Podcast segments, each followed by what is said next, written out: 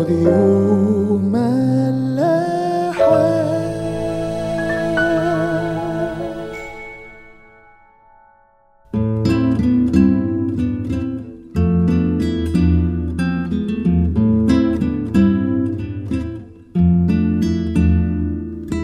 الخير واهلا بيكم في حلقة جديدة من عيش وملح.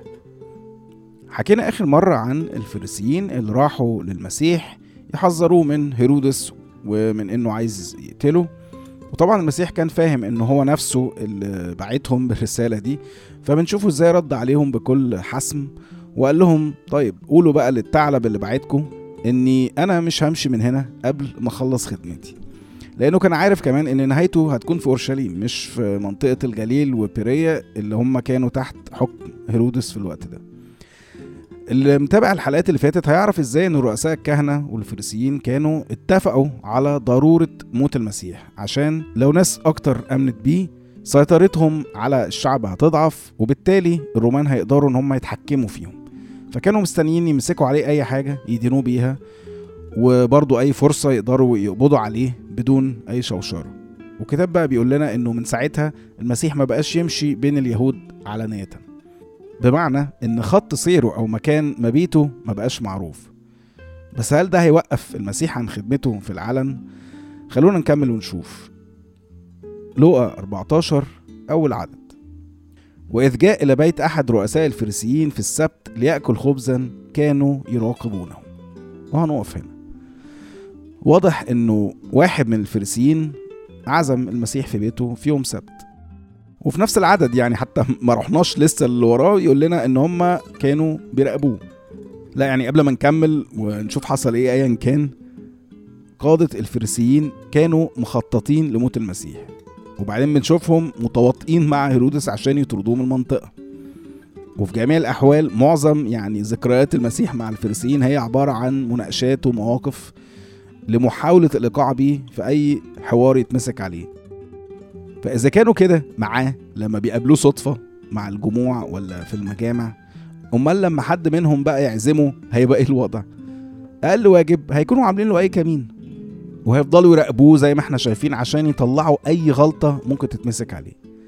بس رغم كل ده بنشوف المسيح بمنتهى البساطة راح. بدون أي تعقيدات أو اعتذارات أو محاولات للهرب راح.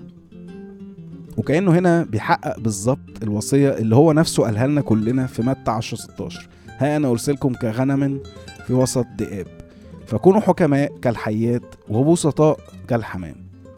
كنا اتكلمنا كتير عن حكمة المسيح في آخر حلقة. المرة دي بقى بنشوفها من منظور تاني.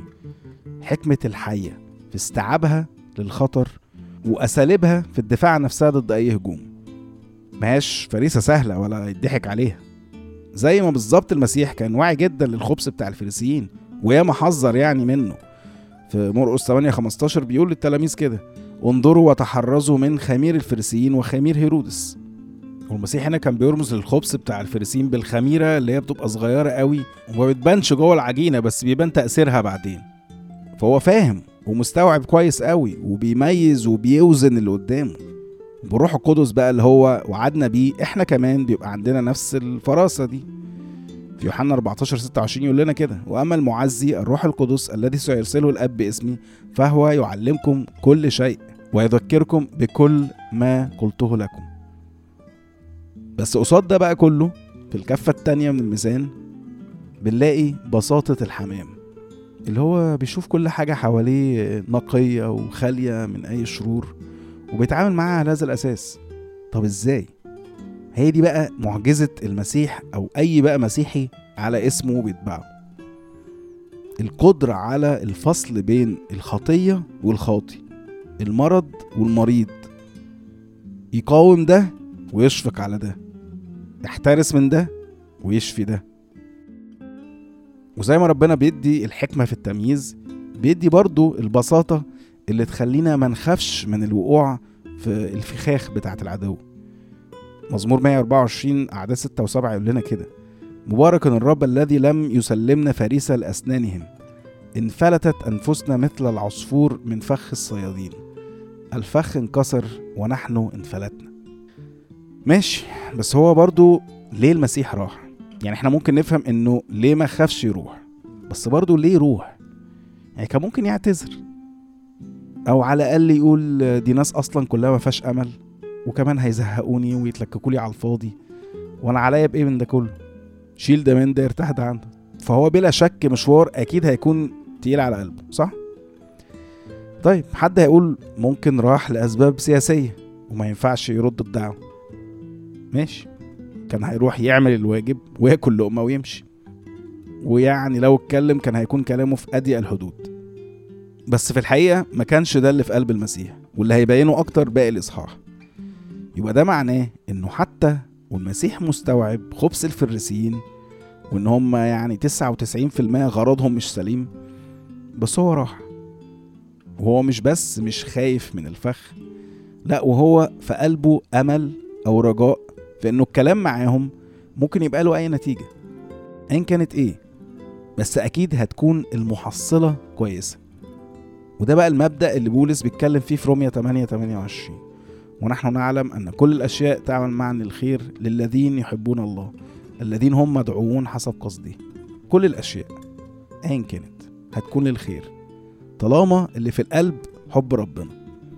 فدي أول حاجة إنه بعيدا عن اللي باين أو واضح لعينينا طالما ادعينا لحاجة ومفيش ما يمنع مروحنا يبقى ليه ما نروحش؟ ما ينفعش اختياراتنا تبقى مبنية على المزاج وعلى ميلنا لناس معينة أكتر من ناس تانية. في الآخر كلها دعوات من ربنا فالطبيعي إننا نلبيها. مش بقى وإحنا حاسين بأي ضغائن ولا عصرين على نفسنا ليمونة ولا حتى ناويين نجامل ونمثل ونتكل على الله. لا بقلب نقي كأن اللي بنعمله ده بنعمله ربنا نفسه. في كولوسي الأولى صح 3 أعداد 22 و 23 بولس يقول كده أيها العبيد أطيعوا في كل شيء سادتكم حسب الجسد لا بخدمة العين كمن يرضي الناس بل ببساطة القلب. خائفين الرب وكل ما فعلتم فاعملوا من القلب كما للرب ليس للناس. فطالما إحنا بنخدم يبقى ايا كانت دعوتنا فين والمين فدول كلهم أسيادنا برضو سادتنا. وينطبق عليهم نفس الكلام ده بالظبط. حد يقول يا عم ماشي طب إحنا عبيد. بس هو المسيح ماله بالكلام ده؟ ده المسيح ده ربنا يعمل اللي هو عايزه. ولا انت هتلخبط بقى في الكلام ولا إيه؟ لا طبعا هو مفيش لخبطة ولا حاجة. المسيح يسوع هو ربنا حاجة مش هنختلف عليها. بس خد بالك وهو على الأرض كان إنسان زيك وزيي بالظبط. وإحنا كتير قوي بقى بنفكر بالكلام ده في عيش وملح. وحتى لو مزعلك كلمة عبد خلونا نقرأ من رسالة بولس لأهل فيليب الصح التاني أعداد خمسة لتسعة فليكن فيكم هذا الفكر الذي في المسيح يسوع أيضا الذي إذ كان في صورة الله لم يحسب خلسة أن يكون معادلا لله لكنه أخلى نفسه آخذا صورة عبد صائرا في شبه الناس. وإذ وجد في الهيئة كإنسان وضع نفسه وأطاع حتى الموت. موت الصليب. لذلك رفعه الله أيضا وأعطاه اسما فوق كل اسم. شفت بقى المسيح ضحى إزاي؟ يعني اوعى تفتكر لوهلة إنه في أي من تعاملات المسيح مع ربنا أو مع الناس كان زيادة عني وعنك في أي حاجة؟ ولا كان بمزاجه كده بيقلب ما بين طبيعته البشرية والإلهية؟ لا وده مدخل مهم قوي قوي من الشيطان عشان يحاول يفصل بيننا وبين المسيح. ليه؟ لأن من غير ما يكون يسوع زينا في كل حاجة يبقى إزاي هيكون قدوة لينا في أي حاجة؟ ما في أي حاجة عملها هنقول يا عم ده المسيح إحنا مالنا بس كده الشيطان نجح. في عبرانيين 2 17 و 18 يقول كده من ثم كان ينبغي أن يشبه إخوته في كل شيء. ده المسيح طبعا. لكي يكون رحيما. ورئيس كهنة أمينا فيما لله حتى يكفر خطايا الشعب لأنه فيما هو قد تألم مجربا يقدر أن يعين المجربين. هيكون رحيم إزاي وهو مش حاسس بينا؟ هيكون رئيس كهنة عننا إزاي وهو مش بيمثلنا؟ هيعنا إحنا المجربين إزاي غير لو هو كان فعلا اتألم وتعرض لكل تجربة أنت ممكن تتعرض لها؟ يعني معلش لو كنا دخلنا في الموضوع ده بس مهم قوي كل شوية إننا نفتكره. عشان ما نسيبش أي حاجة تسحب تركيزنا وتشوش على هدفنا من كل اللي إحنا بنتكلم فيه ده. إننا نكون زي يسوع ونتعلم منه بجد في حكمته وفي بساطته في تواضعه وفي طاعته في أمانته وفي حبه الحقيقي لكل الناس مهما كانوا. في رسالة أفسس 5 14 و 17 بولس يقول كده. لذلك يقول استيقظ أيها النائم وقم من الأموات فيضيء لك المسيح. فانظروا كيف تسلكون بالتدقيق. لا كجهلاء بل كحكماء. مفتدين الوقت لأن الأيام شريرة. من أجل ذلك لا تكونوا أغبياء بل فاهمين ما هي مشيئة الرب. محدش يزعل من بولس طبعا هو بيقول لنا ما تبقوش أغبياء. بس انت لو قريت الآيات دي صح هتفهم إن هو عنده حق يبقى مضطرب وقلقان علينا. هتفهم إن هو مفيش وقت مفيش مجال لتضييع الفرص بسبب دماغنا وعنادنا وتأجيلنا. اوعى تكسل قوم وروح وغامر ما يهمكش. لبي الدعوة مهما كانت غريبة أو تقيلة على قلبك لأنك مش هتستوعب أنت خسرت إيه وخسرت ناس تانية إيه غير متأخر أوي. مزمور 39 أعداد أربعة وخمسة داود بيقول كده. عرفني يا رب نهايتي ومقدار أيامي كم هي فأعلم كيف أنا زائل. هو ده جعلت أيامي أشبارا وعمري كلا شيء قدامك إنما نفخة كل إنسان قد جعل. نشوفكم الحلقة الجاية.